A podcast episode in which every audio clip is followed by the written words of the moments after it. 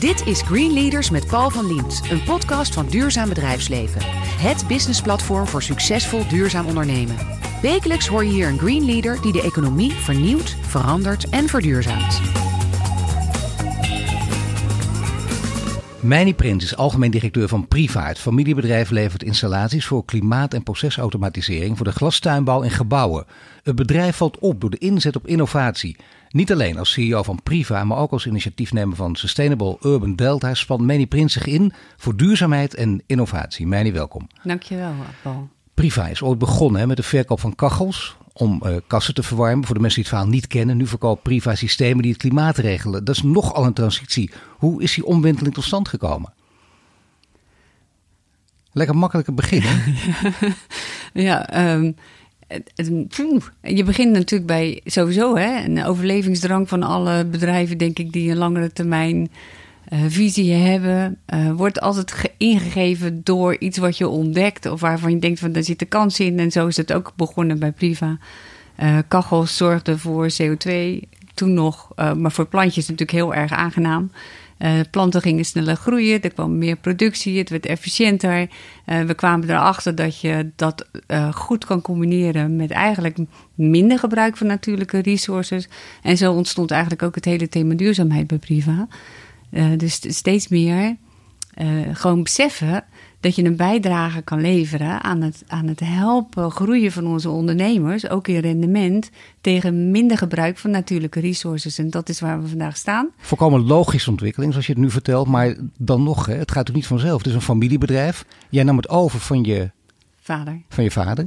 En uh, nou ja, dat, dat dan kan je vader misschien af en toe denken, nou, uh, het gaat veel te snel. Dat zie je vaak bij oudere generatie, jonge generatie, kan het niet snel genoeg gaan. Hoe ging dat bij jullie?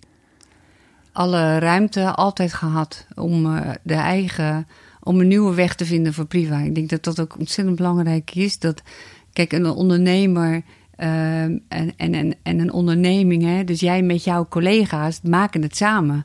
En, en als je elkaar hoort, en je begrijpt elkaar in waar het naartoe kan met de onderneming. En jouw collega's horen dat en jezelf ook vanuit de markt en van je klanten. En je ziet de ontwikkeling in de wereld. Als je dat bij elkaar brengt, dan kan je, dan kan je door.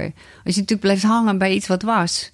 Uh, dat is niet over het algemeen de toekomst uh, voor een onderneming. Dat nee, maar je weet alleen uh, van, ik, ik, noem maar een wetenschap en mensen die veranderen management doen. De laatste tijd zijn ze nogal een opkomst en populair. Die roepen altijd, ja, maar mensen hebben heel veel moeite met veranderen. Dat is heel erg lastig om ze echt in beweging te krijgen.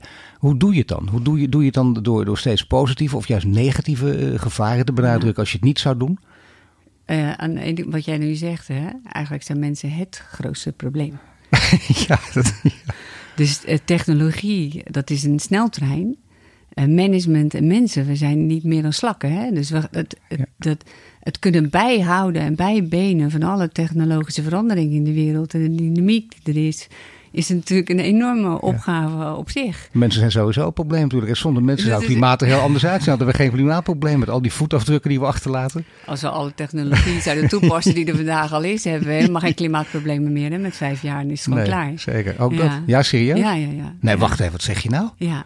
Ja, dat is van de Nee, maar wacht, dat doen we even als... Ja, nee, maar dat weet ik wel. Maar er komen steeds van die berichten naar buiten. Maar soms denk ik van, nou, nou, dat is wel een beetje om. Maar jij bent iemand die hier gewoon zich veel meer dan ik nog in verdiept heeft. En dat weet.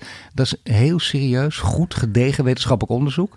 En dat kan niet natuurlijk, want er, komen, er zitten heel veel we, praktische bezwaren aan. Maar gaat het, als het zou lukken, zou het binnen vijf jaar kunnen? Als alle technologische mogelijkheden die we hebben per vandaag, proven technology, zou worden toegepast, hebben we met vijf jaar niet meer de klimaatproblemen zoals we die vandaag voorzien. Ja. En dat gaat dus niet. En dat is, dat is het frustrerende natuurlijk. Dat je weet dat het kan, maar het gaat, het gaat niet lukken. Dat heeft natuurlijk deels te maken met. In de wereld heb je heel veel landen die op andere niveaus zitten van ontwikkeling. Dus je kan niet van alle mensen in de wereld nee. verwachten dat ze in één keer snappen wat het is om al die technologie toe te passen. En dat is de grootste uitdaging. Dus maar we hadden het net ook over de mensen. Dat is, ja. uh, dat is eigenlijk het grootste probleem. Uh, de mensen, hoe, hoe breng je ze in beweging? Hoe maak je ze duidelijk dat verandering vaak noodzakelijk en goed is? Voor, voor mij, ook, ook in leiderschapsstijl, hè, zeker leiderschapsstijl, de leiders die je eigenlijk van vandaag zou verwachten. Wat zo ongelooflijk belangrijk is, is, is niet alleen dat je faciliteert en dat je mensen het gevoel geeft van, van ik hoor erbij. Weet je, dit, dit is mijn omgeving en ik heb een gedeelde missie en daar wil ik voor gaan.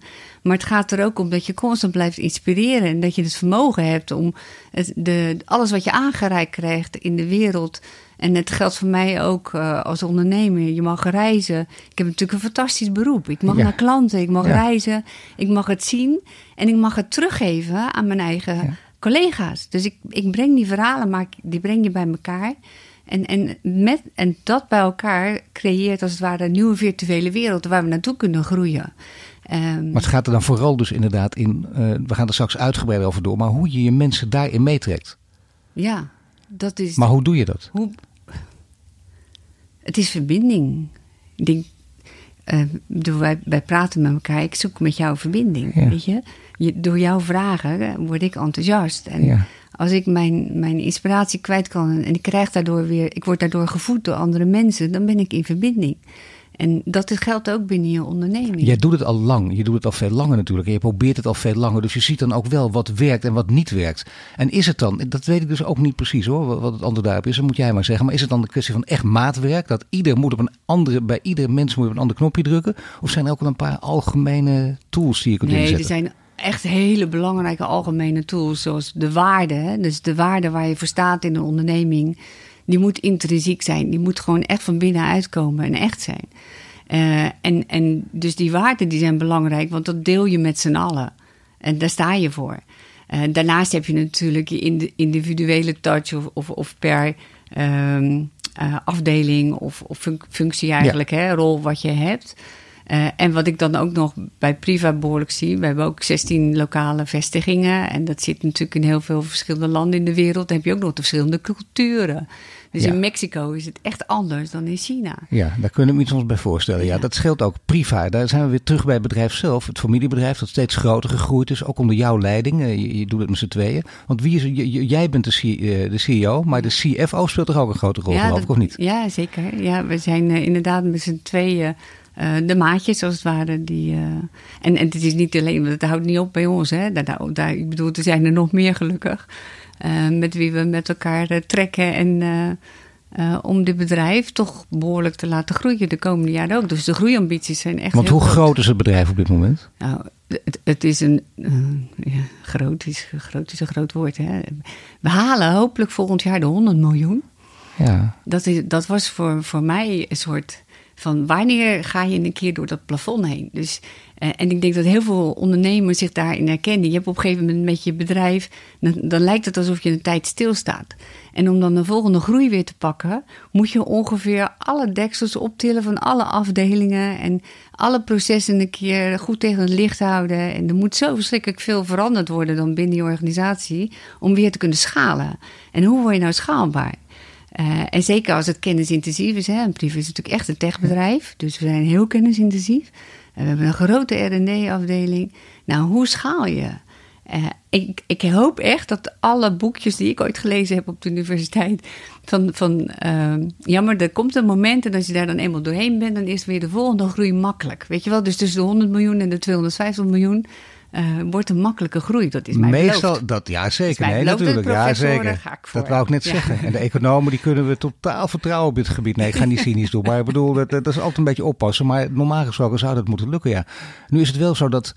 Eh, kijk, Priva is een groot bedrijf, wordt steeds groter. Maar je zei het al, eh, missie is belangrijk. Maar nog Ja. belangrijker dus met, een- met een eh, vaak gebruikte Engelse term. Je had het over waarde, maar purpose hè, wordt steeds aangegeven. Dan doe je dus mee aan de circulaire economie. Dan wil je ook, dan wil je ook echt iets neerzetten, iets groots. Wat is, wat is de purpose, als je het zo zou willen omschrijven, van Priva?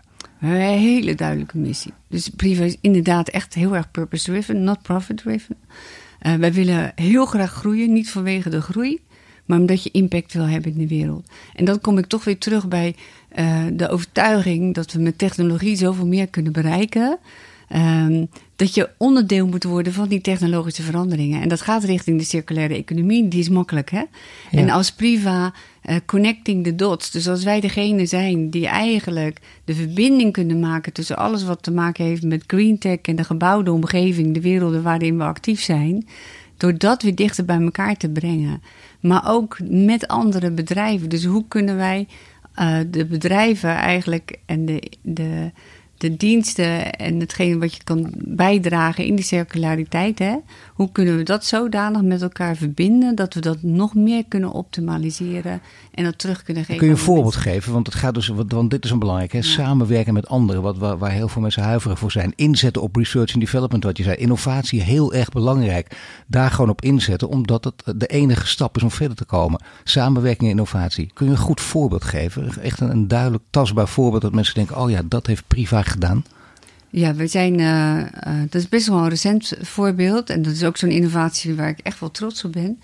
Uh, jaren geleden, ik denk ondertussen wel bijna zeven jaar geleden, heb ik een collega binnen Priva helemaal vrijgemaakt om in de wereld op zoek te gaan naar waar ontstaan die initiatieven als het gaat om indoor growing, indoor farming. en voor, voor ons als, als bedrijven, je hebt teeltkennis vanuit de uh, bedekte teelt, dus de controlled environment voor, voor planten, voor groei, voor groenteteelt.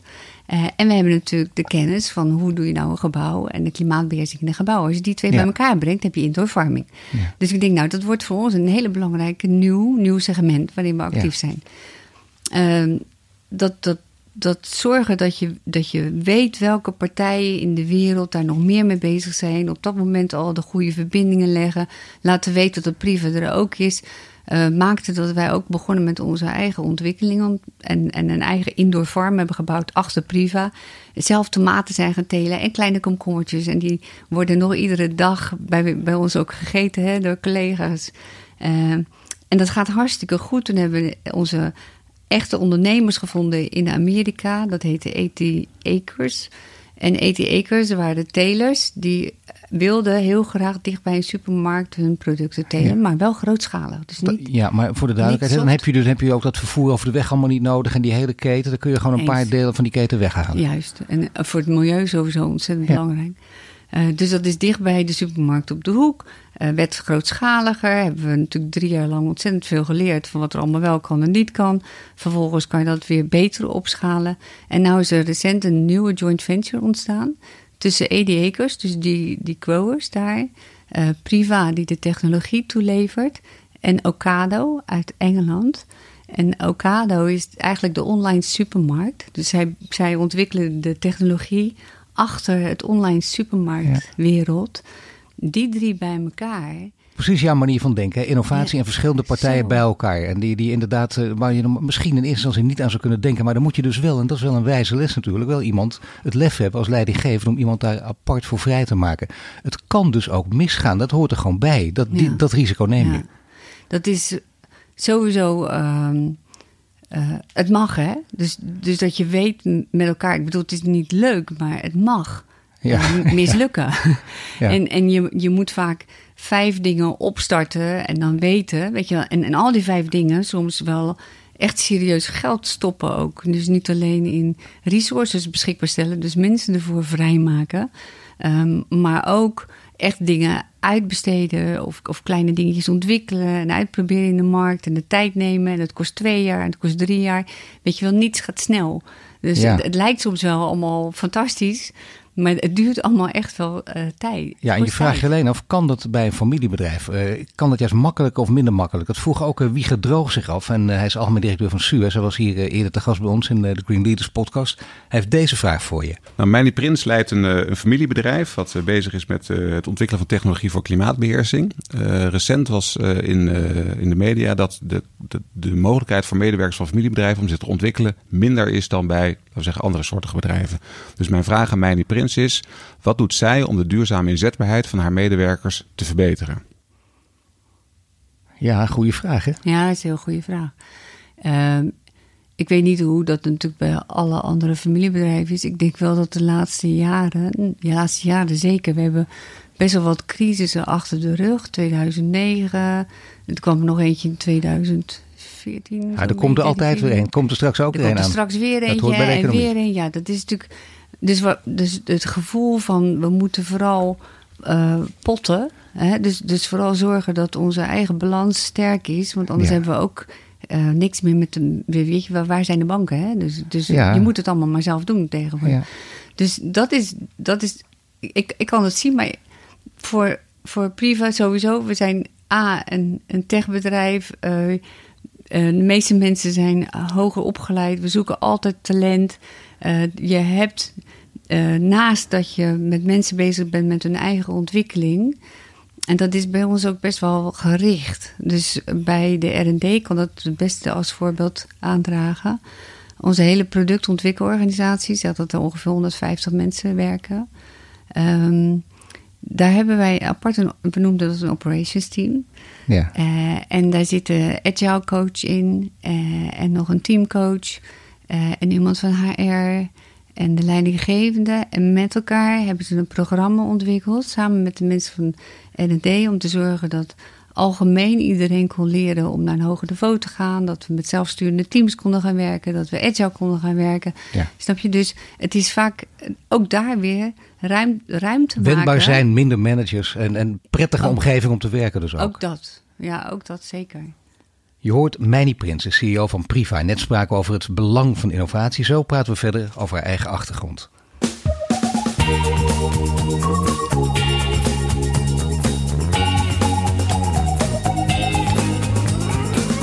Bij mij in de studio Manny Prins, CEO van Priva. Net spraken we vooral over de bijdrage die Priva levert op het gebied van duurzaamheid en innovatie. Nu praten we verder over haar achtergrond. Eh, je zei het al eerder, je vader was oprichter eh, van Priva. Eh, wat was de rol van je moeder? Zij was hoofdzuster, uh, Bronovo. Ja, en betekent dat, nou ja, verzorgend ingesteld dus. En was het ook haar rol binnen het bedrijf of heeft ze totaal geen rol gehad in het bedrijf? Nee, zeker niet. Nee, dit is een andere tijd en een andere generatie, een andere tijdsgeest. Dus uh, nee, dat gebeurde toen niet. Maar wel uh, gekeken natuurlijk. Uh, dan kijk je opeens naar, dan heb je een dochter en, eh, met talenten die een en ander kan. En die de vleugels wil uitslaan. En die van zichzelf ook zegt dat ze rebels is. Dat hoor ik ook al een paar keer over. Ja, rebels, zullen we dat even... Ben je rebels of niet? Zit er een vleugje rebelsheid in je? Ja, ik, ja, ik ben bang dat ik dat wel een klein beetje moet toegeven. Dat is toch gek als je rebels bent? Nou, ik ben, ben bang omdat een klein beetje... Ja, ik ben misschien wel... Kom op, ja, natuurlijk. Um, ik heb, toen ik opgroeide, um, er zijn wel bepaalde dingen geweest waar ik echt dacht van ja, maar daar sta ik voor. En uh, hele simpele dingen, je eigen naam houden, wat ik vond ik gewoon niet meer dan normaal. Weet je, mannen deden dat toen. Ik ben, ja, ik ben bijna 58, hè, dus je komt natuurlijk uit een andere tijd, ben je opgegroeid. En uh, altijd dat zoeken wel van. Maar vleug je feminisme, ook de rol voor de vrouw op de voorgrond uh, daarvoor willen nou, staan? Nou, ik ben nooit zo heel erg vrouw-vrouw geweest. Dus nee. uh, ik vind ook, uh, je zal mij nooit, nooit zien in die gelegenheden waar ook alleen maar dames, weet je wel, dat heb ik, daar heb ik niet zoveel mee. Nee.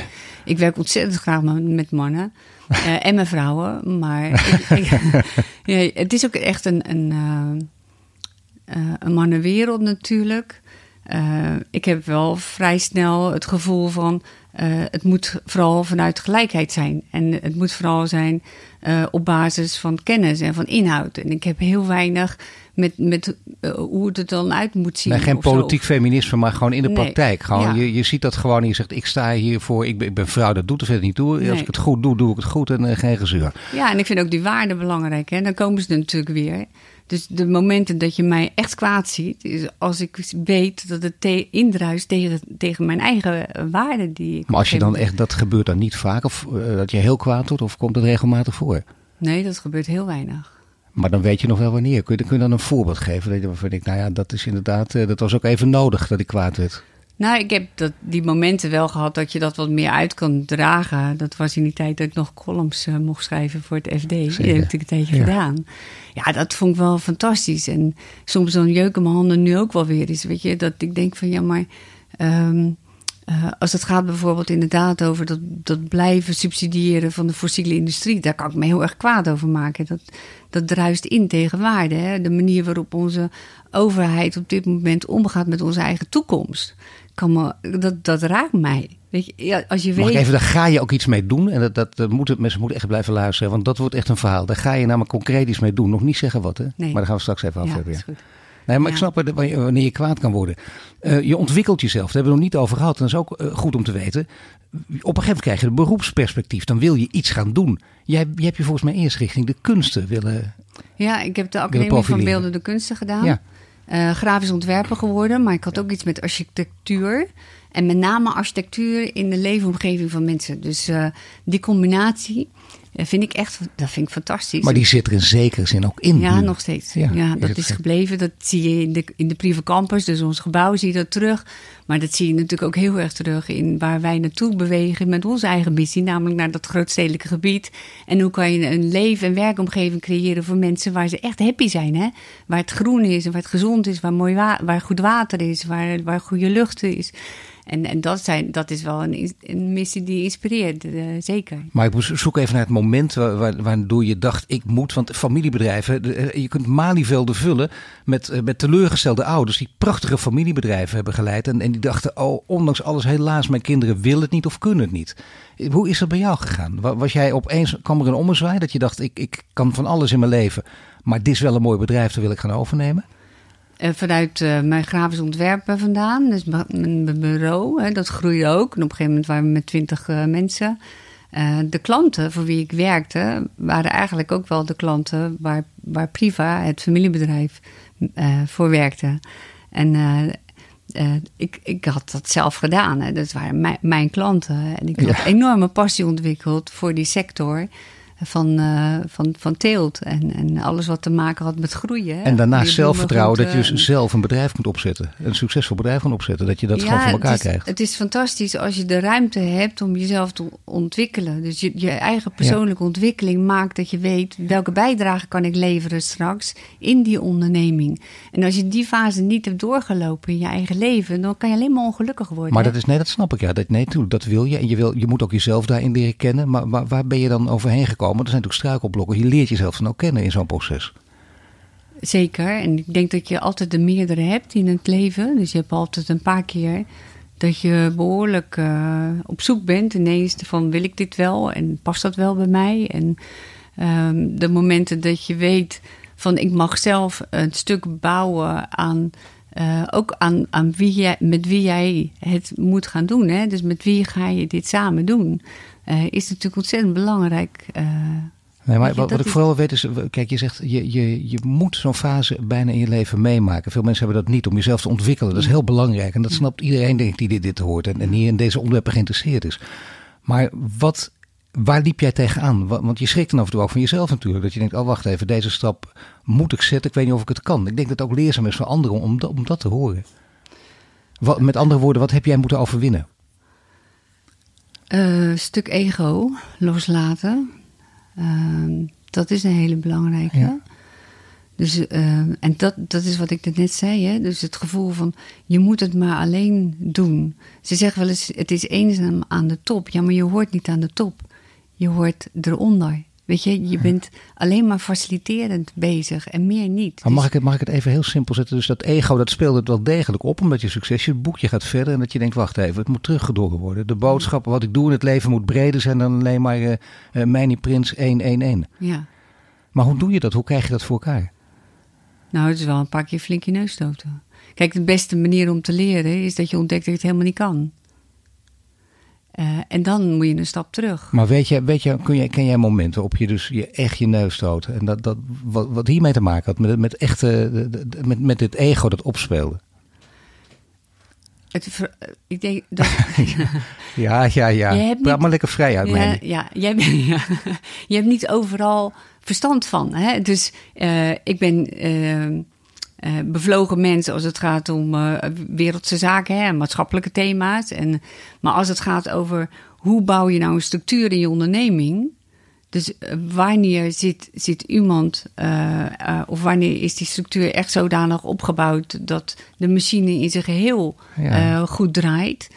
Ja, dat is niet gezegd dat dat nou mijn sterkste, sterkste Nee, maar dat is heel is. goed, dat snap ik. Ja, want dan denk je, oh, want je denkt op dat je alles kan. En, en dan zie je, ja. dit, dit, is iets wat niet, heb ik een ander voor nodig. Ergens een geoliede machine van maken. Ja. Een organisatie neerzetten. Ja. Maar wie heeft jou dat duidelijk gemaakt? Dat, dat moet dan wel een sterk karakter zijn, lijkt mij. Sowieso waar ik nu de laatste vijf jaar mee samenwerk. Dus uh, Ton, hè, mijn CFO. Ja. Dat is al een hele goede sparringpartner. Dus wij zijn elkaar.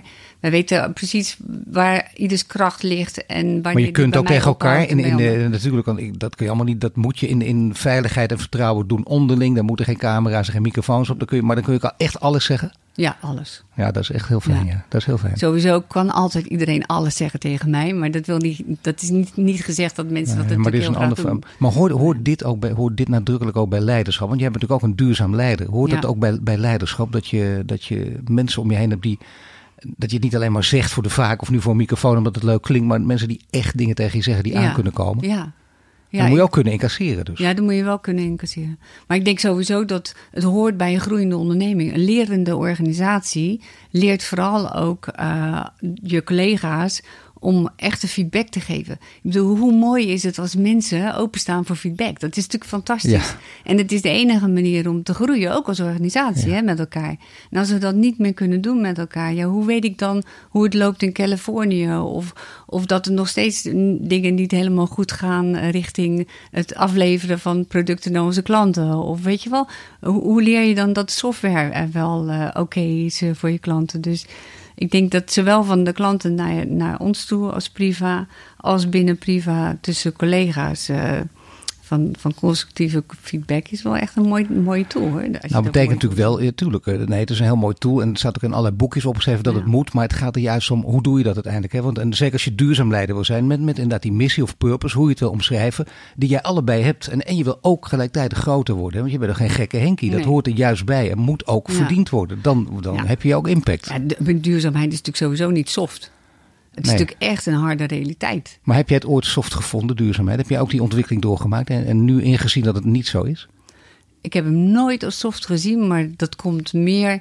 eh, en, en dat is toch wel vanuit die waarde van de ondernemingen. Hè? Dus dat eh, enorme overtuiging van. eh hoor eens, eh, de- we moeten het doorgeven. Je moet de aarde kunnen doorgeven. Weet je wel, circulariteit is. Rentmeesterschap Ja, echt. de- ja, de- echt dat, eh, dat stewardship. Ik vind hem nog heel mooi in het, in het Engels ook, eh, Ja. dat woord. Ehm, maar dat is het. En, en daar gaat het om. Ehm, nee, dat heeft voor mij nooit... Dus, toen, toen ik echt ontdekte van, wacht even... rentmeesterschap van vroeger... of van wat je tegenwoordig natuurlijk steeds vaker weer hoort... is natuurlijk één op één gewoon duurzaamheid. Dat is precies hetzelfde. Hè? Je geeft iets door, het is niet van jou. Je geeft iets door, maar het- je, je kunt er ook geld mee verdienen. Dus je kunt ook echt letterlijk een duurzaam ondernemer zijn. Daar werd door de buitenwereld eh, dan wel eens besmuikt op gereageerd in het verleden. Maar dat wordt door steeds meer mensen omarmd. Je kunt zeggen, Meini Prins heeft het tij mee. Aan het woord is Meini Prins, CEO bij Priva. Net spraken we over duurzaam leiderschap, over haar achtergrond. Zo praten we verder over het belang van innovatie en de manier waarop Nederland internationaal koploper kan worden.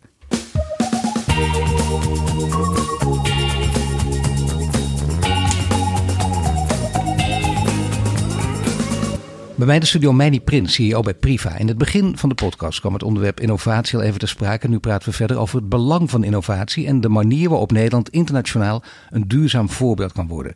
In een van je columns, eh, die je ook voor het FD in tijd hebt geschreven, stel je dat de komende decennia, ik citeer even, de strijd tussen oud en nieuw, tussen fossiel en duurzaam, tussen geld en geluk gestreden gaat worden. Maar dat de winnaar bij voorbaat vaststaat. Wie is de winnaar?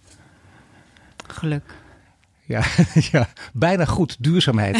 Maar dat staat er voor jou, jij begint dat is zo mooi hè? Het is je eigen column, het is je eigen conclusie ook. Het is heel mooi dat je dat bij elkaar zet nu natuurlijk nu. Maar dat, dat, is, dat, spreekt, dat hoort gewoon onherroepelijk bij elkaar. Ja, ik denk welzijn van mensen wordt belangrijker dan welvaart. Dat is, dat is voor mij uitgesproken mening. Maar wel van 100 naar 250 miljoen willen natuurlijk. Ja, en dat, dat is, heeft echt te maken met, inderdaad kan je met duurzaamheid en duurzaam ondernemen en duurzame producten ook geld verdienen. Ja. Eh, wat is de grote beperkende factor daarin? En dat is ook binnen Nederland natuurlijk wel iets waar je iedere keer weer tegenaan loopt, is de manier waarop er gerekend wordt. Dus de rekenmodellen zijn nog zo niet van, die zijn zo niet meer van deze tijd. hè? Reporting noemt jouw eh, Ja, CFO Tom is- het altijd. Daar moeten we vanaf. Ah, het is verschrikkelijk. Het is zowel binnen de onderneming zelf. Alles wordt bekeken. Hè? Je hebt een jaarverslag nodig voor wie? Ik bedoel, is dat voor de accountants of voor de Belastingdienst? Hè? En als je kijkt naar heel Nederland en er wordt een mooi plan gemaakt door de regering, dan wordt alles afgeschoten omdat de rekenmodellen van de rekenkamer ouderwet zijn. Dus we, we beperken onszelf. Hè? Hoe zit dat met aanbesteding of met duurzame aanbesteding? Er wordt nog steeds gekeken naar wat de goedkoopste is. Maar we nemen niet into account al het andere wat er omheen zit, waardoor het uiteindelijk natuurlijk veel duurder wordt. Eh, om die keuze te maken. Maar dat is wel een gevecht, hè? Omdat gewoon, dat is nog, dat is een echte verandering, en bijna een systeemverandering. Het, zijn ook, het is ook echt een systeemverandering waar we doorheen moeten. Want Maar daar hebben we in Nederland heel veel moeite mee, hè, met systeemveranderingen. Oh, dat is, ja, ja, ja, ja, ja, breek me de bek niet open, zie ik aan jouw gezicht ook. ja. Ik heb het echt eh, wat dat betreft eh, een beetje opgegeven. Nee, kom op. Ja, het is echt. We hebben zo vreselijk veel te, echt nog te ontwikkelen of te ontdekken. Maar Nederland. En, en dat, dat ging ik steeds meer zien. Hè? Dus als je naarmate je meer reist en meer in het buitenland bent. En dan ben ik ook meer dan 50% van mijn tijd zo ongeveer. En je komt dan terug in Nederland. En je ziet welke ongelooflijke parels wij hier hebben. Als het gaat over integrale oplossingen. Echt nieuwe verbindingen Ja. brengen. Systeem doorbraken, weet je wel, creëren. En er zit een kurk bij ons op onze fles. En dat heet dan onze landelijke overheid. Ja, met alle respect. Hè. Het is natuurlijk gewoon een drama op. Onze overheid zou bezig moeten zijn. Als het echt zo is, en het is zo, hè, die, die, die zeespiegel die stijgt. Ja. Dat is gewoon een feit. Ja. Vanaf 2030 hebben we een probleem. Dat, is, dat, is, dat duurt dat is echt. Maar, maar hoe haal je die kurk dan van de fles? Ja. ja, eh, dat is een goede vraag. Ja, Kijk, als je- het werd nou ja. tijd ook. We zijn een tijdje bezig. ja. Als je, als je nou Nederland ook zou mogen zien. Of nee, laat, laten we Nederland nou gewoon eens zien als een stad. We maken hem wat simpeler. Misschien moeten we het eens wat eenvoudiger maken. Ja. En, zou, en helpt dat in, in de perceptie die we ook hebben.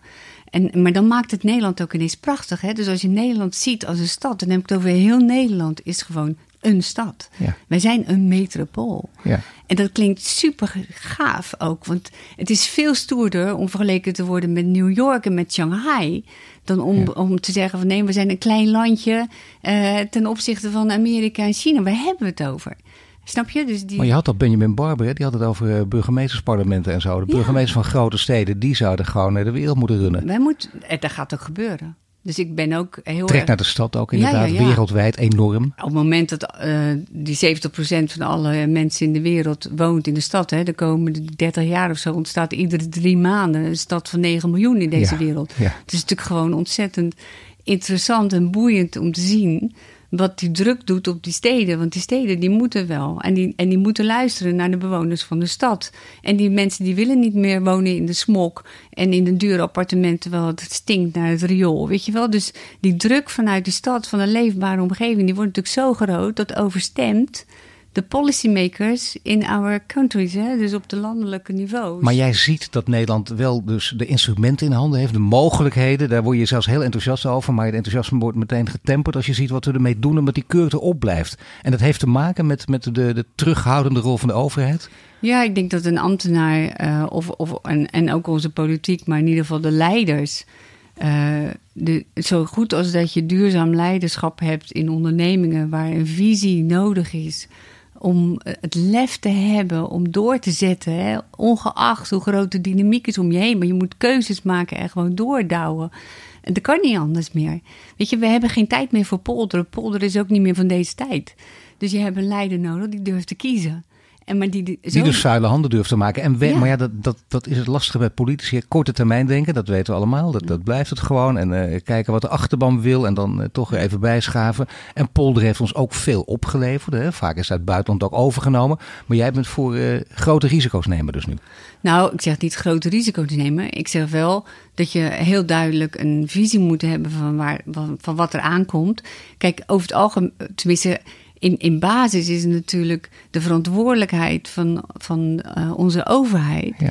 Is dat jij en ik ons vrij voelen in een veilige omgeving. Daar hoort bij een goede infrastructuur. Zowel qua banken, hè, dus je, je veilig voelen qua gewoon je financiële middelen. Eh, je veilig voelen op straat. goed je mobiliteit eh, voor elkaar hebben. Dus het zijn allemaal van die basic voorwaarden. Die de overheid moet faciliteren. Ja. En dat is het maar verder handen it. terug en laat, eh, Juist. laat anderen doen. Laat gewoon de mensen het zelf doen. Maar dan krijg je dus, je noemde in het begin een ergernis, eh, een, een grote ergernis. En die speelt in Nederland, maar die speelt wereldwijd, namelijk eh, de fossiele industrie. Ja. Die nog zwaar gesubsidieerd wordt. En eh, ja, wat, dan zou je dus op een of andere manier daar iets mee naar buiten kunnen brengen. Jij kunt denken, weet je wat, ik word premier van Nederland, maar daar heb je geen tijd voor. Dus je hebt iets anders gedaan. Ja. Met je sustain. eh, ja, ik ben een documentaire. Urban Delta. zijn ja. Urban Delta. En, eh, daar ga je een documentaire over maken. Ja. En jij bent zelf ook de maker van de documentaire, voor de duidelijkheid. En wat wordt daar het grote punt? Is dit, het waar ik het net over had, is dat dan het punt over die fossiele uh, die fossiele energie die enorm gesubsidieerd wordt? Of worden er meer punten gemaakt? Het is een, in ieder geval de Sustainable Urban Delta uh, story. Hè? Dus dat verhaal ben ik de laatste vijf, zes jaar is dat bij mij gegroeid, steeds meer gaan vertellen. en met in, lezingen door het land Ja, ook, en door de wereld zelfs. Ja, dat is geweldig. Ja, dus uh, internationaal. Dus uh, begin dit jaar werd ik ook steeds meer, uh, werd ik ook echt gevraagd in, in Mexico, in Australië, van kom het verhaal vertellen van de Sustainable Urban Delta. Het is natuurlijk fantastisch. Ja. en het gaat vooral over het perspectief wat we hebben Um, waardoor er zo verschrikkelijk veel milieuproblemen ook opgelost kunnen worden. En dat heeft inderdaad wel. Weet je, we maken de problemen vaak zo groot dat niemand meer ergens aan begint. Dat is, dat is mens eigen. Uh, en, de, en de politiek lijkt er nog wel graag een schepje bovenop te doen. En dan beginnen we helemaal nergens meer aan. Ja, en het veel te ingewikkeld maken. En dat vind ik ook. En dan moet je juist wantrouwig worden. Want dan, dan doe je niks en dan ga je Nee. een sluier eroverheen Dus leggen. begin, begin gewoon iets bij wat dicht bij mensen is. En wat ligt er nou dichter bij mensen dan gewoon ons voedsel? Weet je, het is het, is het fundament bij wijze van spreken van ons bestaan. Het zijn onze nutrients. Maar als je voedsel weer terugbrengt naar daar waar mensen wonen, dat betekent dus dat je eigenlijk het voedselproductie weer terugbrengt gewoon naar die stad. En die metropolen, die hebben, en dat zie je, hè, uh, die, die groeien en die groeien, die drukken die green belts weg. En die green belt is het omland om die stad heen. Ja. En eigenlijk, als je naar dat omland kijkt, dus dan, dan zie je kleine stukjes landbouw en je ziet boeren. En die boeren die worden steeds ouder en er zijn geen opvolgers, want er is geen toekomst meer. Dus dat verdwijnt. Dus dat stuk voedselproductie verdwijnt. En aan de andere kant doen we de voedselproductie in de wereld zodanig bar. Dat het meeste is gewoon wasted. Dus, dus weet je, in Canada wordt de helft van het voedsel wat wordt geproduceerd gewoon weggegooid. Um, of, of, gaat met transporten uh, verloren. Uh, we vliegen het over de hele wereld heen. We zijn compleet disconnected. En het van- positieve van verhaal is dat we natuurlijk een juiste technologie tot onze beschikking hebben. Innovatie, research and development daar, eh, development daar enorm op inzetten. Sustainable Urban Delta Ja. verhaal blijven vertellen. Welke boodschap wordt opgepikt? Want als je het wereldwijd vertelt, net als in je eigen bedrijf zeg je, je hebt Ja. met cultuur, cultuurverschillen te maken. Het mooiste is als je natuurlijk cultuuroverschrijdende boodschappen kunt uitdragen. En wat wordt door iedereen opgepikt? Wat wordt, vind jij internationaal door iedereen opgepikt? Wat, wat vooral eh, blijft hangen is A. eh, l- laat de ellende. Hè? Dus eh, ergens halverwege eh, mijn documentaire, maar ook in mijn lezing, geef ik op een gegeven moment aan van, joh mensen, we, eh, we spend about 7000 billion dollars a year to keep a system alive that is destroying our own planet. Only for the profits, for the 500 mega companies in this world influencing our policymakers. Weet je, dat is echt een waardeloze boodschap. Ja. So what is the plan? Weet je, hoe kom je daar doorheen? Want onze overheden doen daar ook aan mee. Nee, dat is heel echt. Het is alleen maar dat mopperen en klagen. Er moet gewoon iets moois uitkomen. Dus inderdaad, dus dan heb ik zoiets van: laat maar. Laat maar, weet je, geen energie stoppen in, in dat. Weet je, dat kost alleen maar. Dat is te negatief, dat wil je helemaal niet. Het is zonde van onze energie, want het verdwijnt toch wel. Laat maar los, laat maar gaan. Maar ga aan de andere kant wel beginnen bij iets wat zo verschrikkelijk veel perspectief biedt en nieuwe, nieuwe kansen levert. En je ziet het al in Parijs, hè, waar de burgemeester heeft gezegd de laatste drie jaar: van ik, ik ga helpen, faciliteren vanuit Parijs vandaan ondernemers die iets willen doen met voedselproductie midden in de stad. We zorgen ervoor dat de regels een beetje worden aangepast en dat het kan. Er zijn 300 initiatieven ontstaan in Parijs die de stad gaan vergroenen, maar waarbij voedsel ook weer dichterbij komt. En wat je ziet gebeuren, het is niet alleen Parijs. Ik zie het in Beijing en in Shanghai en in Mexico City. Maar daar waar het gebeurt, brengt het sociale coherentie. Het geeft nieuwe werkgelegenheid. Het stimuleert ondernemerschap. Uh, het is ook het begin van de circulaire economie. Die vind ik natuurlijk fantastisch, hè, vanuit mijn ondernemerschap vandaan. Want hoe mooi is het als je wastewater from the city kan hergebruiken voor voedselproductie? Of als je waste from voedsel, voedsel wordt prachtig bouwmateriaal. Weet je wel, als je die stromen rondom uh, eigenlijk kan sluiten en die circulariteit kan gaan bevorderen. En daarom is mijn, mijn boodschap ook van laten we het nou klein maken en gewoon beginnen bij iets wat dicht bij die mensen ligt. En van daaruit gaan we bouwen aan ondernemerschap en verbinding en community bouwen en zelfstandig worden en duurzaamheid. Ja, geweldig natuurlijk. Een prachtig bevlogen verhaal ook voor deze tijd. Een internationale documentaire ook. En wat is de titel? Hoe heet de documentaire? Ik weet het nog niet. Oh, zo erg is het zelfs. Ja, dat is wel een heel belangrijke. Ja, maar, hij wordt, maar hij wordt wel internationaal uitgebracht. Het is niet voor een klein niche. Je wil dit voor een heel Nee. groot publiek. Nee, het is echt een internationaal. In het begin dacht ik van ik ga echt Nederland promoten. Want ik vind Nederland is op dit moment de groenste stad ter wereld. We zijn het vandaag. En als je boven Nederland hangt, dan zie je het ook. Hè? Het is urban en rural en urban en rural. Dus eigenlijk is dat allemaal met elkaar verweven. En, en je kan er iets van vinden natuurlijk, maar daar hebben we het nu niet over. Maar Nederland produceert ook meer voedsel dan het zelf nodig heeft. Dus het kan. Dus de boodschap die ik alleen maar heb, is van kijk metropolen in de wereld. Kijk burgemeesters van die prachtige steden. Als het goed gaat, wordt de impact dus nog groter. De, nog, nog groter. De, impact wordt groter en, en positiever dan de impact van El Gore. Dit wordt mij niet prins, dat is gewoon de positieve, laten we zeggen, het spiegelbeeld, het positieve spiegelbeeld van El Gore. Dat is het idee eigenlijk. Ja, ik ga daarvoor. We gaan er naar kijken. Dankjewel Meini. Je luistert naar de Green Leaders podcast van Duurzaam Bedrijfsleven. Volgende week zijn we terug met een nieuwe Green Leader. Dit was de Green Leaders podcast voor deze week. Volg onze website voor meer nieuws over succesvol duurzaam ondernemen. Wil je meer afleveringen luisteren? Abonneer je dan nu via iTunes of Spotify en krijg een melding wanneer er een nieuwe podcast online staat.